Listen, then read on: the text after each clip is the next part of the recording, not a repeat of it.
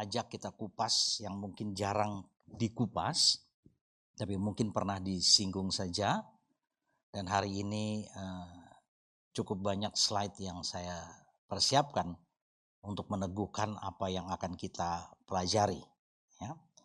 Nah, Tuhan Yesus sering sekali duduk dengan para murid-muridnya. Dia mengajar, dia hidup bersama-sama, dia makan sama-sama, dia jalan sama-sama, dan tidak ada satupun dari mereka yang mendapat perlakuan khusus. Memang ada tiga yang sering kali eh, diajak oleh Tuhan Yesus ya untuk berdoa secara khusus, tapi kekasih Tuhan eh, dia mengajar kepada para muridnya, dia bagi hidupnya dengan merata, ya, dengan rata. Tidak ada yang di di, di, dilebihkan gitu, nggak ada saudara ya. Nah, dalam perjalanan hidup dia banyak murid juga belajar banyak, belajar banyak. Nah, kekasih Tuhan, satu kehormatan bahwa seseorang itu dipilih. Pada waktu itu mereka menyebutnya guru, rabi. Tapi sesungguhnya dia adalah Tuhan sendiri. Itu satu kehormatan bahwa bisa bersama-sama. Nah kita pun eh, punya satu kerinduan bahwa sungguh iman kita berkata bahwa Tuhan bersama dengan kita. Ya, Tuhan bersama dengan kita. Nah eh, saya ingin ajak untuk lihat satu murid yang hmm, ada yang bilang sedikit bandel, sedikit keras kepala gitu saudara ya, yaitu eh, Petrus ya Petrus. Nah Matius 16 ayat 23, maka Yesus berpaling dan berkata kepada Petrus, "Enyahlah iblis."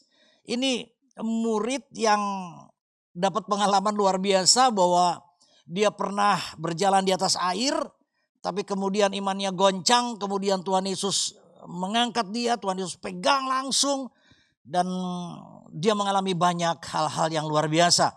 Seperti misalnya waktu dia menjala ikan dan sebagainya, ada mujizat demi mujizat. Tapi satu saat dia berkata bahwa pada waktu Tuhan Yesus bilang gini, aku akan masuk dalam penderitaan dan harus mati. Dia bilang enggak, tidak, tidak, tidak. Semua harus baik-baik saja. Sudah tahu reaksi daripada Tuhan Yesus dia bilang nyala iblis. Wow, ditengking saudara. Ini murid yang dapat kehormatan apa? Ditengking oleh Tuhan Yesus. Yang ditengking iblisnya ya. Nah Engkau satu batu sandungan bagiku sebab engkau bukan memikirkan apa yang dipikirkan alam melainkan apa yang dipikirkan manusia. Nah yang dipikirkan manusia adalah semua baik-baik saja gitu saudara. Padahal Tuhan Yesus harus melewati penderitaan dalam karya penebusannya. Kemudian dia juga pernah menyangkal Yesus tiga kali. Di, di Jakarta ada gereja, gereja ayam gitu saudara. Kenapa? Mengingatkan bahwa ada banyak orang Kristen yang sering sangkal Yesus. Sangkal Yesus. Nah dia tiga kali di situ. Nah, Yesus berkata kepadanya, aku berkata kepadamu sesungguhnya malam ini sebelum ayam berkokok engkau telah menyangkal aku tiga kali. Nah ini orang yang menyatakan imannya bahwa aku akan tetap bersama dengan engkau. Wah luar biasa pernyataan-pernyataan ini. Banyak orang Kristen juga seperti itu saudara. Tapi Tuhan Yesus berkata kepada Petrus, malam ini juga engkau akan sangkal aku tiga kali. Dan memang pada waktu itu terjadi saudara. Dan pada kali yang ketiga dia menyangkal Yesus, ayam itu berkokok dan dia ingat akan eh, perkataan Tuhan Yesus. Dia ingat akan perkataan Tuhan Yesus. Nah, murid yang bandel ini, murid yang apa ya, nakal, bukan nakal ya maksud saya, yang sering kali uh, sepertinya dia luar biasa dalam mengiring Yesus, tapi juga dia sering kali melakukan hal-hal yang justru kelihatannya oh ini orang keras kepala banget gitu saudara. Tapi kekasih Tuhan, perhatikan di dalam Yohanes 21 ayat 17, kata Yesus kepadanya yaitu Petrus, untuk ketiga kalinya ya Simon yaitu Simon Petrus anak Yohanes. Ya sering kali selalu dihubungkan dengan silsilah ya. Simon anak Yohanes, apakah engkau mengasihi aku? Maka sedih hati Petrus karena Yesus berkata untuk ketiga kalinya, apakah engkau mengasihi aku? Dan ia berkata kepadanya, Tuhan engkau tahu segala sesuatu. Engkau tahu bahwa aku mengasihi engkau. Kata Yesus kepadanya, gembalakanlah domba-dombaku. Nah yang saya mau garis bawahi adalah begini. Ternyata di dalam perjalanan hidup Petrus yang seperti itu, dia punya satu yang di dalam dirinya dan paling dalam adalah begini. Bahwa dia sangat mengasihi Yesus. Jadi di tengah situasi dia yang kadang-kadang kok Petrus kayak gitu ya, kok seperti itu ya, imannya kadang-kadang naik, kadang-kadang ambruk gitu saudara. Tapi kekasih Tuhan, kasih Tuhan gini, dia tetap menjaga hubungan dia yang baik dengan Yesus. Dia bilang gini, aku mengasihi engkau. Dan di sinilah di sinilah satu titik balik di dalam kehidupan Petrus bahwa orang yang seperti ini justru dipercayakan oleh Tuhan Yesus untuk apa? Untuk mengembalakan domba-dombanya. So, kekasih Tuhan di antara para murid yang mendapat jawatan gembala itu Petrus. Yang lain rasul, rasul, rasul, tapi dia punya rangkap. Dia memang lima jawatan kalau pada res, pada pada pada rasul ya. Tapi ini luar biasa sekali, saudara. Luar biasa sekali. Nah, tadi saya katakan begini, bahwa Tuhan Yesus tidak pernah me, apa pilih kasih gitu, nggak pernah. Dia dia nggak pernah pilih kasih, nggak pernah pilih kasih. Tapi saudara, ada satu murid, ada satu murid. Nah kita bisa menerka dari gambar ini. Siapa dia? Yudas Iskariot. Yudas Iskariot. Di antara semua murid, di antara 12 murid. Mereka sebagai manusia biasa punya latar belakang yang bukan latar belakangnya indah. Matius coba lihat. Bukan latar belakang yang indah. Tapi mereka tetap mau mengiring Yesus. Bahkan pada waktu mereka lihat Yesus ada dalam penderitaan. Oh yes mereka sempat lari ketakutan. Tetapi kekasih Tuhan mereka tetap menjaga imannya sampai garis finish. Bagaimana dengan Yudas Iskariot? Dia jual Yesus. Dia jual Yesus. Dengan cara apa? Dengan mencium. Ini satu gambaran bagaimana orang Kristen banyak yang sepertinya dekat dengan Tuhan. Kata mencium proskoneo itu sering kali dihubungkan dengan penyembahan. Luar biasa saudara. Dia dia dia dia mencium Yesus satu ungkapan yang secara fisik, secara secara uh, tubuh dia seperti mengasihi Yesus secara luar biasa dengan apa dengan ciuman tapi justru di titik itu dia menjual Yesus Yudas Iskariot dia dinamakan Yudas Iskariot karena dia berasal dari satu keturunan di mana ayahnya itu uh, hidup dari apa uh, dari satu kota yang bernama Keriot atau Kar, uh, Kariot. Jadi identitas itu diberikan bahwa yang satu ini datang dari satu keturunan dari kota yang bernama Kariot. Nah, kekasih Tuhan. Ada yang bertanya, kenapa Yesus eh kenapa Yesus dijual oleh Yudas? Kenapa? Bukankah dia bersama-sama makan sama-sama dan sebagainya. Pergi ke, ke satu tempat bersama-sama dan sebagainya. Bahkan dia termasuk uh, murid yang dipercaya oleh Tuhan Yesus. Nah kekasih Tuhan kalau bicara tentang Yudas Iskariot saat ini saat ini mungkin kalau ada orang tua ingin beri nama kepada anaknya mungkin gak beri nama Yudas ya tapi saudara mesti kita mesti lihat begini, bahwa sebelum sebelum dia eh, jual Yesus, dia masuk dalam bilangan yang dipilih oleh Tuhan. Sehingga kalau misalnya dia nggak jual Yesus, mungkin banyak orang Kristen berikan nama anaknya Yudas. Ya. Mungkin seperti itu. Bahkan dia dipercayakan tentang keuangan. Dia menjadi bendahara. Tapi kenapa dia jual Yesus? Nah saudara ada satu pengamatan yang mungkin uh, ini bisa menolong kita adalah begini. Semua murid yang lain datang dari daerah Galilea. Dari Galilea.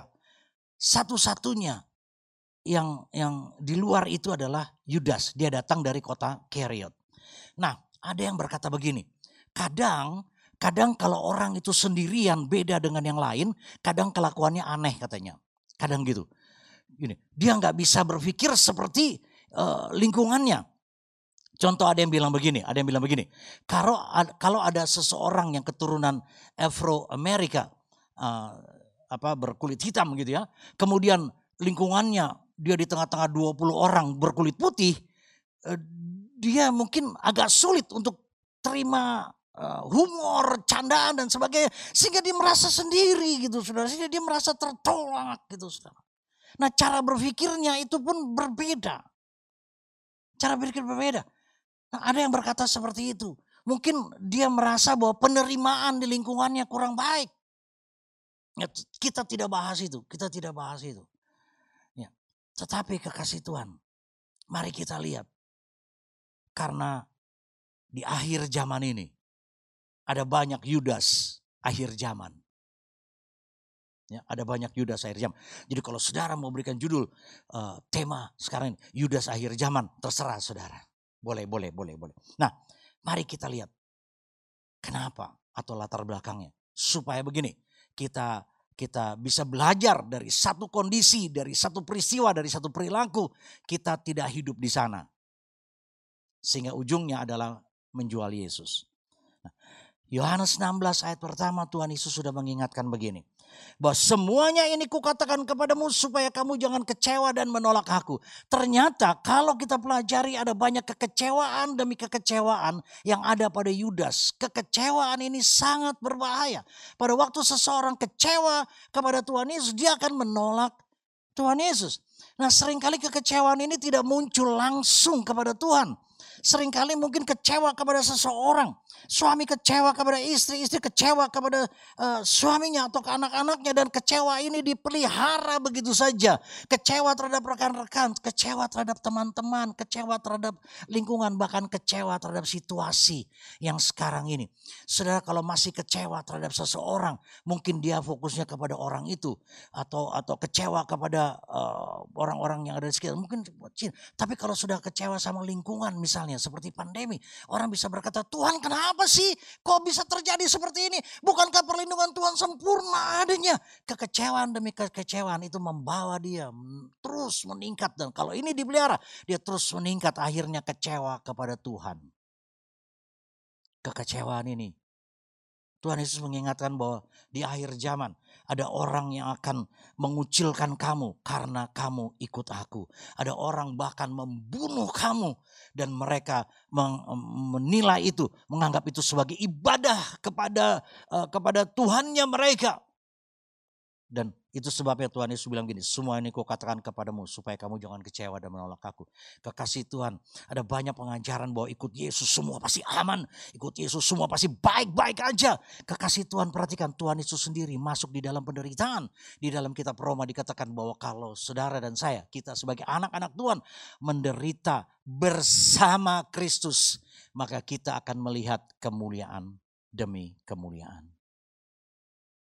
So dia kecewa apa yang membuat dia kecewa? Di dalam Matius pasal 16 ayat 16 ini uh, ayat yang luar biasa di mana ini pewahyuan daripada Eh, Allah sendiri. Karena pada waktu itu Tuhan Yesus bertanya kepada para murid, menurut kamu siapa aku? Dan mereka bilang engkau seperti Yeremia. Karena Yesus pernah masgul hatinya dan dia mengerang. Yeremia disebut sebagai nabi yang suka menangis. Eh, ada yang berkata engkau Elia. Kenapa? Karena ada mujizat-mujizat dan sebagainya. Sampai kepada eh, Petrus berkata engkau adalah Mesias, anak Allah yang hidup. Kemudian Tuhan Yesus berkata, bukan engkau yang berkata itu. Berbahagialah karena Bapa yang memberikan pewahyuan kepadamu. Nah kekasih Tuhan, pewahyuan ini turun kepada semua murid. Dan kekasih Tuhan, perhatikan kondisi pada waktu itu. Bangsa Israel termasuk para murid.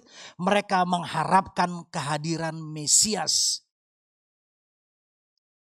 Bertahun-tahun puluh tahun bahkan ratus tahun nubuatan demi nubuatan itu sudah muncul bahwa akan ada penyelamat yang akan menyelamatkan satu bangsa yaitu bangsa pilihan Tuhan bangsa Israel ada sudah ada nubuatan demi nubuatan.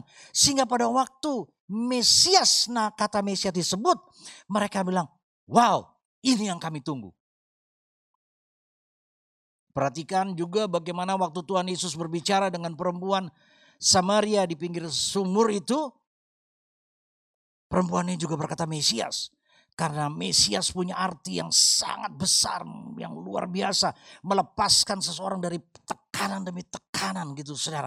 Karena pada waktu itu orang Israel itu mereka berontak terhadap penjajahan Romawi. Mereka berkumpul dalam satu bilangan yang disebut Zelot. Adalah orang-orang yang dianggap memberontak terhadap Romawi. Tapi sebenarnya mereka mempertahankan iman mereka kepada Yehova, kepada Yahweh.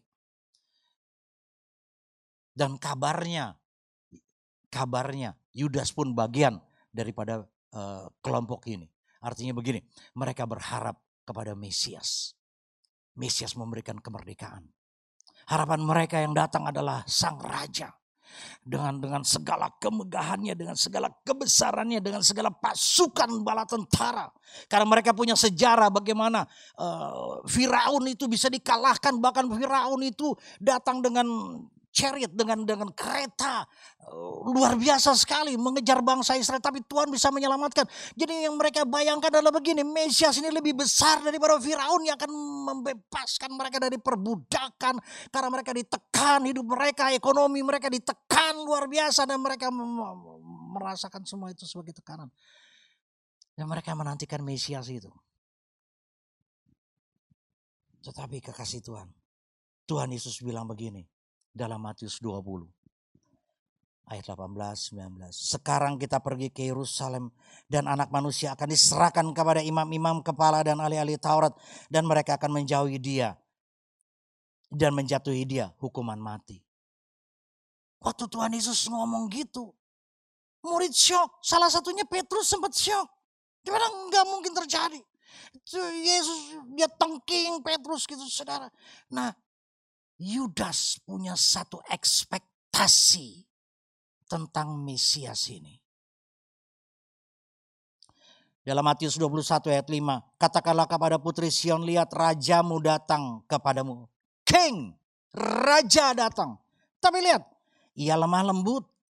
Bayangan mereka raja yang luar biasa, yang mungkin sedikit angkuh gitu saudara.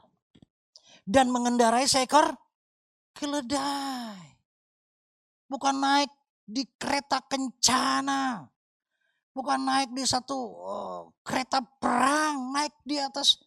Dia mengendarai seekor keledai. Seekor keledai beban yang muda. Yang belum terlatih. So, Yudas punya satu ekspektasi. Termasuk murid yang lain juga begitu. Tapi Yudas punya ekspektasi. Karena dia masuk dalam golongan orang yang yang garis keras gitu saudara. Bahwa dia akan menentang Roma dan pengharapan dia pada waktu dia ikut Yesus. Inilah Mesias dan saya akan melihat satu perubahan yang luar biasa atas bangsa Israel. Bahkan mungkin secara politis dia berpikir begini. Ini kalau yang satu ini jadi raja aku mungkin jadi Perdana Menteri. Minimal aku jadi Menteri Keuangan. Kenapa? Karena memang dia dipercaya benar. Satu ekspektasi yang salah kepada Tuhan. Ada banyak orang Kristen yang mungkin punya ekspektasi yang salah. Yes, Tuhan berkata bahwa oleh bilur-bilurnya kamu telah sembuh. Tapi ada banyak orang yang kok masih sakit. Mereka punya ekspektasi yang salah. Dan mereka mulai bilang begini, benar nggak firman ini? Benar nggak sih? Dia punya ekspektasi terlalu tinggi. Karena Yesus datang pertama kali Bukan sebagai raja segala raja seperti yang dia datang kedua kalinya. Dengan begitu kemegahan di atas seekor kuda putih gitu saudara. Banyak mahkota, ada gada dan tongkat semua. Di, di pahanya tertulis gitu saudara. King of kings, Lord of lords gitu. Bajunya jubah putih berwarna merah. Dia datang dengan segala kebesaran. Eh kekasih Tuhan ternyata dia datang sebagai seekor, eh sorry, sorry. Dia datang sebagai seorang anak yang yang bayi yang lahir di kandang. Dan banyak orang Israel kecewa.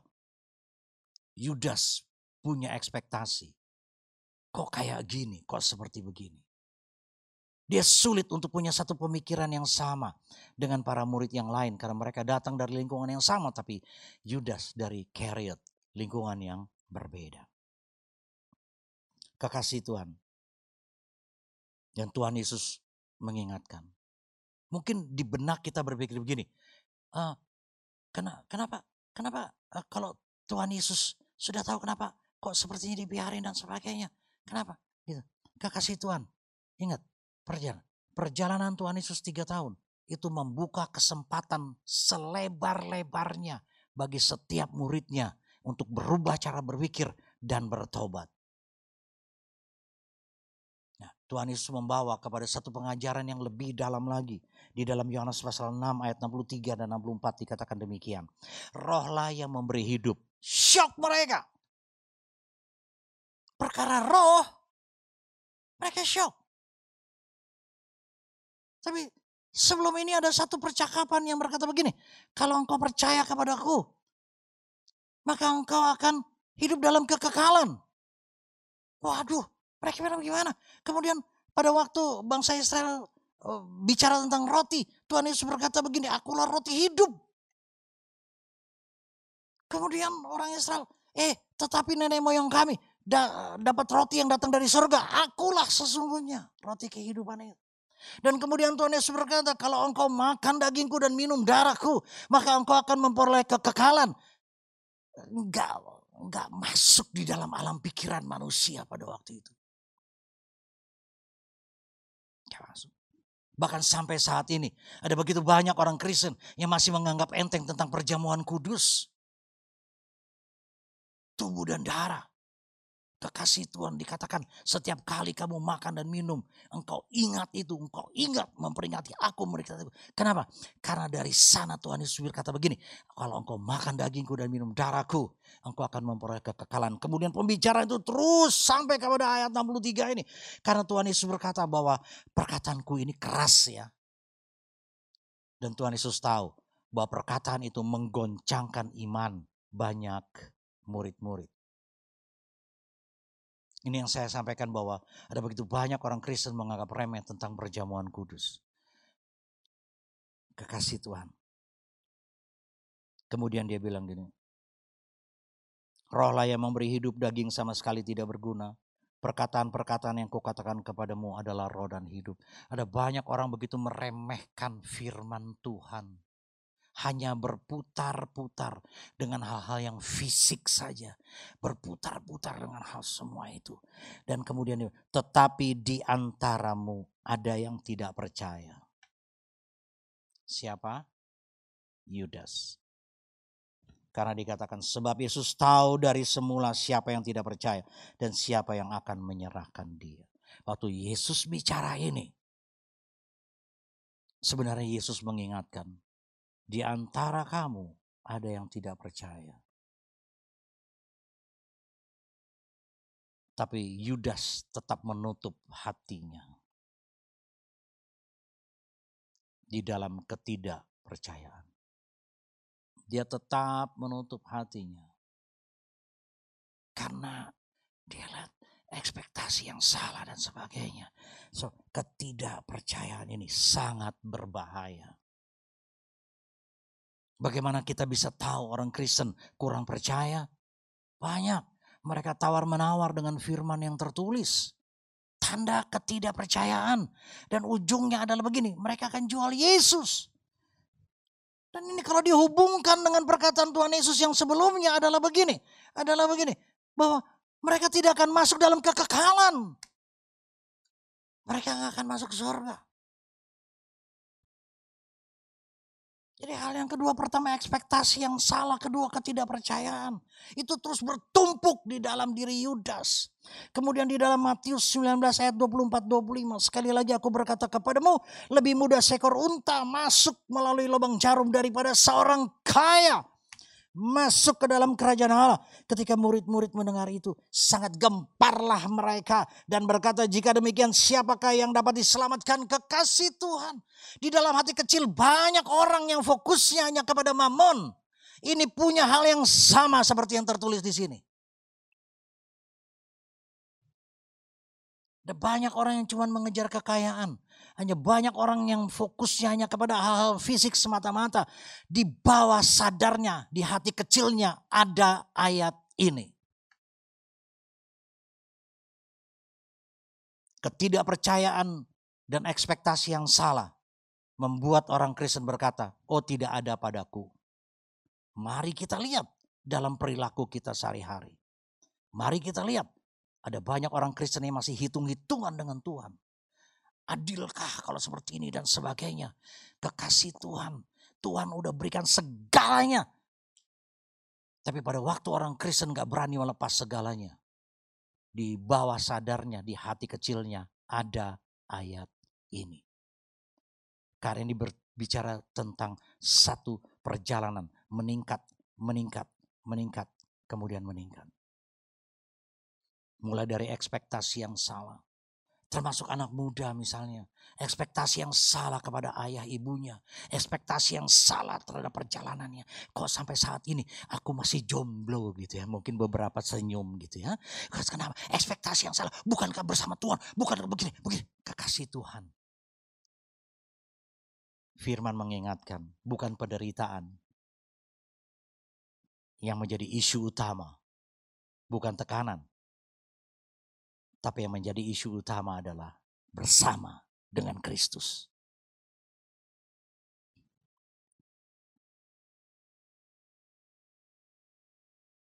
Mungkin kita pernah tahu cerita ini. Bagaimana seorang perempuan yang mengurapi Yesus dengan minyak narwastu murni. Satu tabung kecil minyak narwastu sama dengan gaji satu tahun. Oh iya, uh, ada yang ada yang uh, gaji sebulannya UMR 2 juta. Berarti kalau satu tahun 24 juta. Oke, dia menilai dengan begini bahwa minyak ini beras, uh, ber, berharga 24 juta. Tapi ada orang yang satu bulan menghabiskan 5 juta, maka satu botol 60 juta. Dan itu penghasilan mereka, penghasilan mereka, penghasilan mereka. Satu tahun ditumpahkan begitu saja. Ada banyak orang Kristen yang hanya uh, melepaskan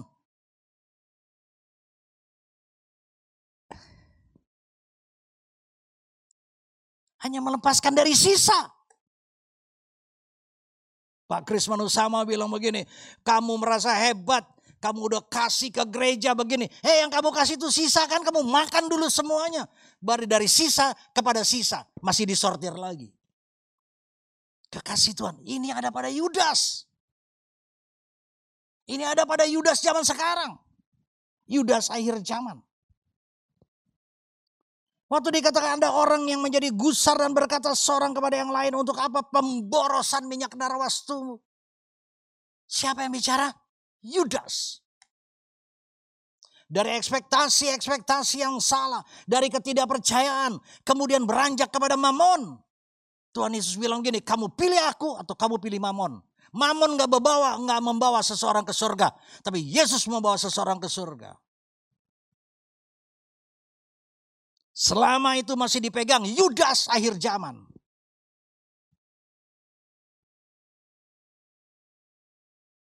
Siapa yang kesal dengar berita itu? Yudas. Katakan saya tidak. Dia bilang apa? Untuk apa pemborosan? Untuk apa pemborosan bagi pekerjaan Tuhan? Apa pemborosan untuk untuk untuk uh, bagaimana Yesus itu bisa dipermuliakan? Semua bentuknya pemborosan. Pak, kandanya kita mesti sederhana, kita mesti ngirit. Yes.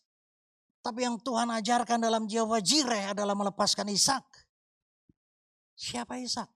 Kesayangannya. Kekasih Tuhan. Tuhan Yesus akan datang tidak lama lagi. Yang akan datang saya akan bicara tentang akhir zaman. Tapi sekarang saya bicara tentang Yudas akhir zaman dulu.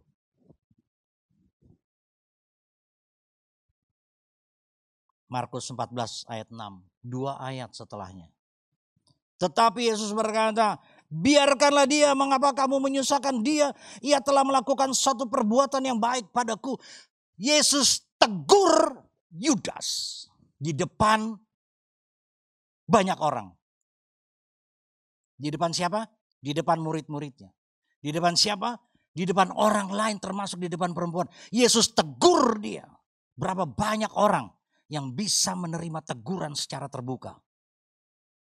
Oh yes, Pak kalau negur Pak empat mata dong Pak bagus. Kenapa? Aku nggak tahan dengernya.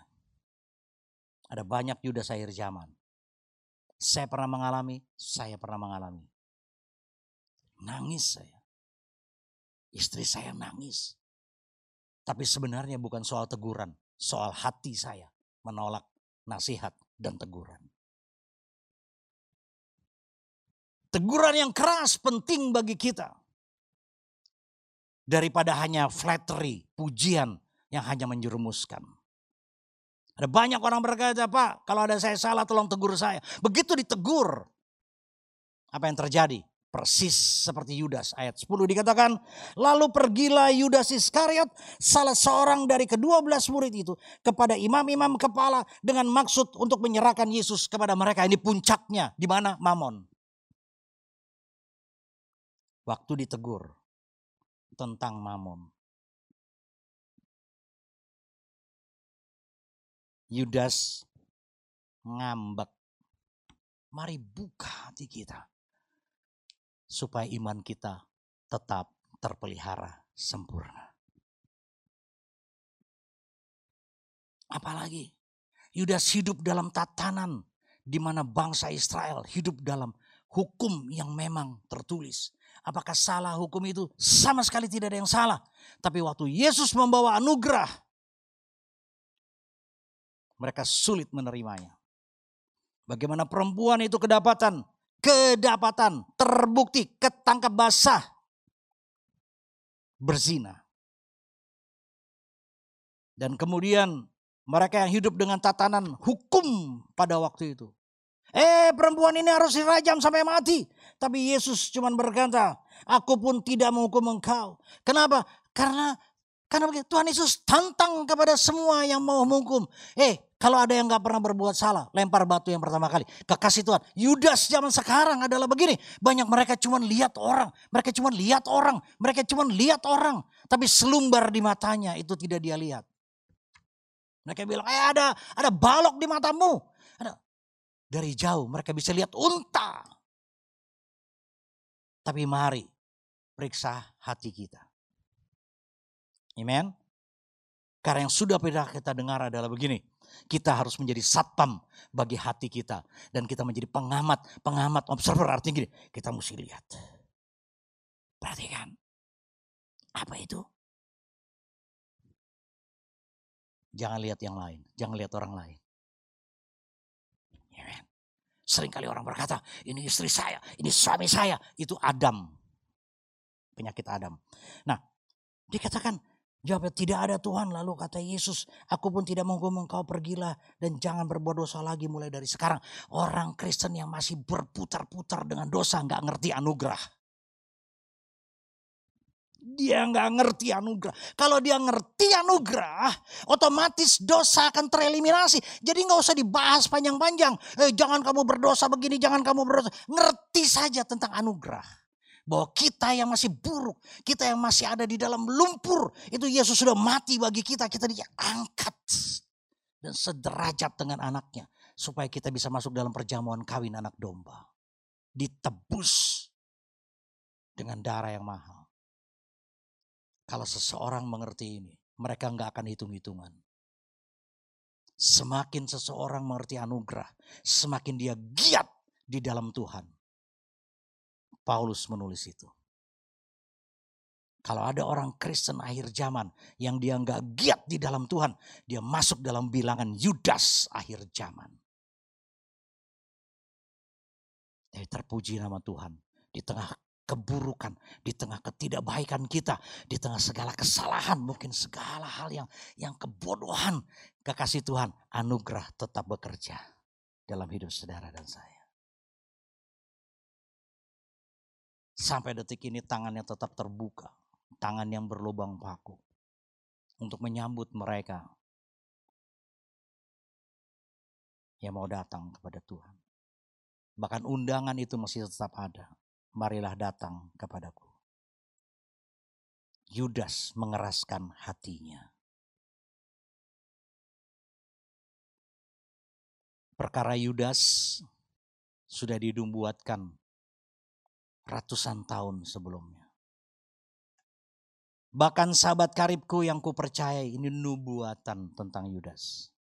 Bahkan sahabat karibku yang kupercaya yang makan rotiku telah mengangkat tumitnya terhadap aku. Kekasih Tuhan ada yang berkata, kalau dalam hidup kita belum ada Yudas yang mengkhianati kita, tunggu tanggal mainnya. Kalau Yudas bisa datang kepada Yesus, Yesus mengalami Bagaimana kita bisa berkata, oh enggak akan ada yang mengkhianati aku. Pengkhianatan itu satu titik yang sangat sulit untuk diterima oleh banyak orang. Kecuali ada kasih Kristus. Saya mengalami, waktu saya cerita ini, dibilang gini, mengalami ya, orang yang kita percaya, orang yang kita bangun, orang yang kita kita didik, semua justru orang itu yang akan mengkhianati. Kekasih Tuhan, kalau itu ada dalam hidup saudara dan saya bersyukur. Karena kita berkata bahwa menjadi seperti Kristus harus ada Yudas dalam hidup saudara. Harus ada Yudas. Kalau belum tunggu. Karena untuk melihat hati saudara dan saya cuma Yudas. Yang ekspektasinya salah ketidakpercayaan yang ada pada mamon dan yang bersedia mengkhianati saudara dan saya. Apa pun alasannya.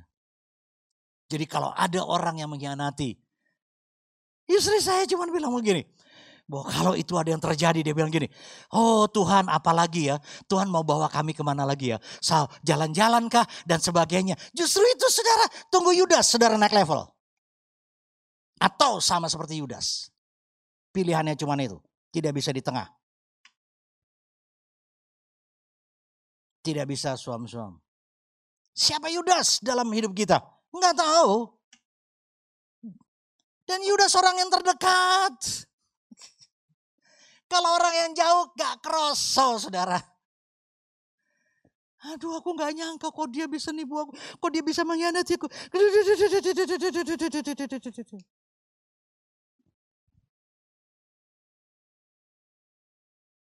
Jadi kalau ada yang bilang begini, oh tadi temanya adalah tunggu Yudas, boleh.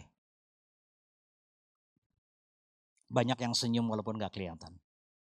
Tapi kalau ada bersuka cita. Amen. Di dalam Mazmur 41 ayat 13 dikatakan, tetapi aku, engkau menopang aku karena ketulusanku, engkau membuat aku tegak di hadapanku untuk selama-lamanya. Kata ketulusan bahasa aslinya tom, artinya begini, integrity, artinya begini, dipenuhi full prosperity, kemakmuran, artinya gini, aku nggak butuh apa-apa lagi. Jesus is enough for me. Kalau ini ada kita diselamatkan dari Yudas. Yes ada Yudasnya tapi kita menang dari Yudas. Termasuk Yudas diri kita, Yudas yang ada di sekeliling kita. Wis gak usah neko-neko. Polos-polos saya. Yang penting Tuhan bersama kita. Amen. Yang penting Tuhan bersama kita. Sudah dibahas, kita jadi satpam atas hati kita. Kita jadi pengamat observer atas hati kita. Jagalah hatimu dengan segala kewaspadaan karena dari situlah terpancar kehidupan. Mau hidup atau mau mati. Cuman itu pilihannya. Hidup pak, tapi tersiok-siok. Mati enggak, hidup enggak. Celaka orang seperti itu. Jaga hati dari kekecewaan, dari ekspektasi yang salah, dari ketidakpercayaan, dari mamon, dari menolak anugerah. Orang hidup dalam dosa itu menolak anugerah. Dan dari situasi yang buruk. Kekasih Tuhan. Kenapa kita mesti jaga hati kita? Karena ada banyak situasi, ada banyak keadaan, ada banyak orang yang di luar kontrol kita. Jalan macet, kita nggak bisa kontrol. Pandemi, kita nggak bisa kontrol. Tapi hati kita bisa kita jaga ya kita akan memperoleh kehidupan yang Tuhan sediakan. Amen. Istri saya menyampaikan pesan ini. Tapi kami dapat berkat. Eh jangan ngomong berkat. Kami dapat situasi yang sangat indah. Apa itu? Tiba-tiba atap rumah kami plafonnya ambruk, saudara. Ini di atas meja makan. Ambruk, suaranya kayak bom. Iya, saya nggak pernah dengar bom deket ya. Maksud saya abu debu semua berterbangan. Sebelumnya istri saya sudah bilang, coba cek ini. Ini sudah mulai turun. Ini loh. Bebel. Ah nggak apa-apa, nggak apa-apa tunda. Sampai ambruk tenan. Paginya dia ngomong, kalau ambruk biayanya lebih tinggi. Ah iya, itu kalau orang dekat Tuhan, suara mulutnya kayak nabi. Gitu. Kejadiannya bagaimana? Saya lagi di kamar mandi. Tiba-tiba saya dengar begitu. Yang saya cuma pikir begini. Wah ambruk bener. Istriku gimana? Dan saya coba keluar. Dan sudah kita sudah selesai sarapan pagi waktu itu. Kemudian istri saya duduk di meja makan itu. Dia sudah tarik kursi mau duduk. Tiba-tiba dia ah aku mau nyiram tanaman. Yang gak suka tanaman sekarang itu saat yang indah. Dia nyiram tanaman. Waktu dia pergi nyiram tanaman, ambruk. Bukankah keluputan itu datang dari Tuhan? Haleluya. So, saya cuma mau bilang gini, selalu ada alasan untuk mengucap syukur. Karena ini meluputkan kita dari Yudas-Yudas akhir zaman.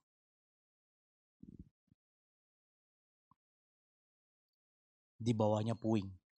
Sampai sekarang puingnya masih ada. Gak boleh diangkat. Supaya nanti waktu dirontokkan jatuhnya di atas puing. Ini rumah yang bersih. Istri saya tuh bersihan. Sangat bersih. Itu yang namanya wastafel. Setiap habis dipakai dilap. Makanya walaupun udah 10 tahun lebih, orang bilang masih baru ya. Bersih. Hei, sekarang mau hidup new normal, harus ada sesuatu yang terjadi. Amen. Yudas boleh datang, tapi Yesus menang. Yudas boleh ada, tapi saudara dan saya tetap keluar sebagai pemenang. 1 Korintus 15 ayat 57 58 tetapi syukur kepada Allah yang telah memberikan kepada kita kemenangan oleh Yesus Kristus Tuhan kita karena itu saudara-saudaraku yang kekasih berdirilah teguh jangan goyah. Dan giatlah selalu dalam pekerjaan Tuhan. Sebab kamu kamu tahu bahwa dalam persekutuan dengan Tuhan jeripayamu tidak sia-sia. Suka kasih Tuhan, jaga relasi dengan Tuhan. Pada akhir zaman, apa pun boleh terjadi. Yudas boleh datang. Semua berita yang tidak baik boleh datang. Pestilence, penyakit sampar, semua pandemi boleh datang. Tapi selama saudara dan saya bersama dengan Tuhan, kita tetap kuat, kita tetap teguh. Dan semuanya tidak akan sia-sia. Kita ditetapkan sebagai pemenang. Let's pray. Terima kasih Tuhan.